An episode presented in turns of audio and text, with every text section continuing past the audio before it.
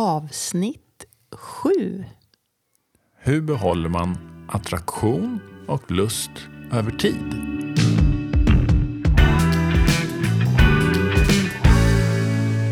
Det kan ju vara supersvårt. Men det bara sker väl per automatik, eller? Alltså jag menar om det bara försvinner så är det väl inte läge att fortsätta relationen, eller? Menar du att man ska jobba på att ha lust och attraktion till varandra? Ja, det är klart man ska. Vi pratar om eh, att man ska nästan se på sin relation som en hobby. Har man ett intresse av något slag så har man ju en tendens av att nörda ner sig. Om man ska ha de här uh, frisbee-diskarna eller de här spikskorna eller man ska liksom, om man läser på nätet och man håller på, ah, sen den här och han som är så bra på det här, han har den här grejen och så lägger man lite pengar på det så kanske man går på någon kurs på det och så eh, ja, man är entusiastisk inför någonting. Nördig till och med. Nördig. Ja. Ja. Hur många frisbee-diskar hade han egentligen av din kompis? Ja, över 350 stycken. Just det. Det är lite nördigt, men otroligt passionerat. Ja. Hur många känner vi som är nördiga för sin relation? Ja, men några ändå tror jag. Några tycker jag investerar i sin relation och verkligen jobbar med den och ser den som någonting som, eh, ja, som de vårdar. Ja. Tillsammans. Ja, Så det är en gemensam hobby, det är inte bara din egen heller. nej, det är verkligen en medveten relation. De vill någonting med den. De vill någonting med sitt liv tillsammans och de vill någonting med relationen. Eh, Så de anstränger sig. Inte bara investerar i i tid eller pengar eller så, men även den där lilla extra ansträngningen. Den pratade vi om när vi var intervjuade där i P4 Extra också. Att anstränga sig. Kommer du ihåg? Ja, anstränga sig, jobba på det. Det har ju varit vårt mantra här nu ett tag. Och det, det är så självklart, men det är kanske svårt att komma igång. När man inte har varit där på länge. Ja. Att svårt att se sin partner då med nya ögon, nya fräscha ögon. Den här som väcker lusten och attraktionen igen. Har vi några tips hur man kan göra det? Vi tror ju att en av anledningarna till någon slags stagnation kan ju vara då sex. Det här kring sex. Och eh, då finns det ju en forskare som resonerar att de flestas sexliv är baserat på rester, leftovers. Och där hamnar man då i att eh, jag tar bort saker som jag tror att du inte vill ha. Och du tar bort saker som du tror att inte jag vill ha. Alltså ta bort, eh, inte ens prata om det menar du? Ja, nej, man gör antaganden. Mm. Jag tror inte hon vill det här, jag tror inte hon vill det här, hon verkar inte vilja ha det där. Nej, okej, ja men okej.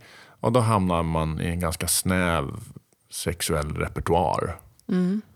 Eh, som inte ens är uttalad eller förankrad hos båda. Utan man har gjort antaganden på något vis. Att eh, nej men det där kan väl ingen kvinna vilja. Eller eh, nej, det där, det där är inget för oss. Mm. Och då kanske man har med sig en massa sådana bilder från tidigare relationer. Det, det gjorde vi inte då, så det gör inte jag. Medan man inte ens egentligen har utforskat tillräckligt. Är det så du menar? Ja. Och prat, framförallt har man inte pratat tillräckligt. Gjort det tydligt liksom. Och, och börjar man säga saker som att ja, men, eh, det här lockas jag av. Eller det här har jag fantasier om. Och så är man rädd att den andra tycker att man är galen eller knäpp eller sexpervert. Men samtidigt kan det ju väcka otroligt mycket attraktion och lust genom att se sin partner igen som en sexuell varelse. Inte bara den där som var sexuell när man då träffades i tidigt i relationen utan kanske även nu efter 28 år. Hör du. Ja. Hur fasen har vi lyckats? Alltså det har ju varit olika i perioder också. Vi har inte alltid haft samma attraktion och lust till varandra. Eller jo, lust till varandra tycker jag vi har haft. Man kanske inte varit lika attraherade men nu kan det ju bli så att jag ser dig och så bara Wow, you're hot. You're a lucky woman. I am. Ja. Så summan är väldigt enkel. Bli en, en relationsnörd med din partner. Investera i din relation. Både pengar, tid och nörderi. Absolut. Lite som att betala för sex då, eller? Ja, vi fick en, en fråga av vår, våra lyssnare om det här med att betala för sex. Var det ett utropstecken till och med, tror jag, efter det? Jag kommer inte ihåg, men de, de skickade, det var med på en lista med lite olika grejer de skickade. Och eh, ja, tänkte vi, ja det där var ju spännande. Och så två dagar senare kommer det ett oj, oj, oj, oj, oj, alltså vi, vi menar ju bara att vi investerar typ hotellnätter iväg från ungarna. Fixa barnvakt. eh, Ja, ja. kanske köpa lite roliga underkläder eller en ny sexleksak bara för att utforska. Så de menade lägga pengar på att utveckla deras sexliv. Ja, Ja, och bara genom att liksom tydligt visa det för varandra att jag vill investera här i vår relation, i vårt sexliv. Alltså det kommer ju göra att attraktionen och lusten ökar. Genom att du visar att du vill det.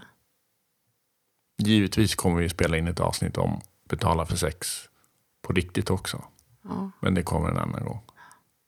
Men ett litet kort tips också kring hur man kan se sin partner mer lustfyllt är ju att titta på den när den är i sitt esse. När den gör någonting som den verkligen tycker om eller är bra på.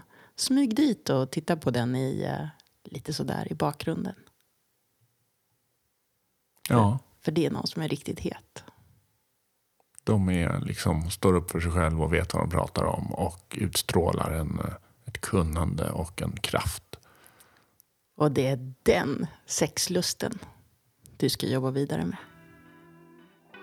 Det var allt för det här avsnittet. Tack för att du lyssnar.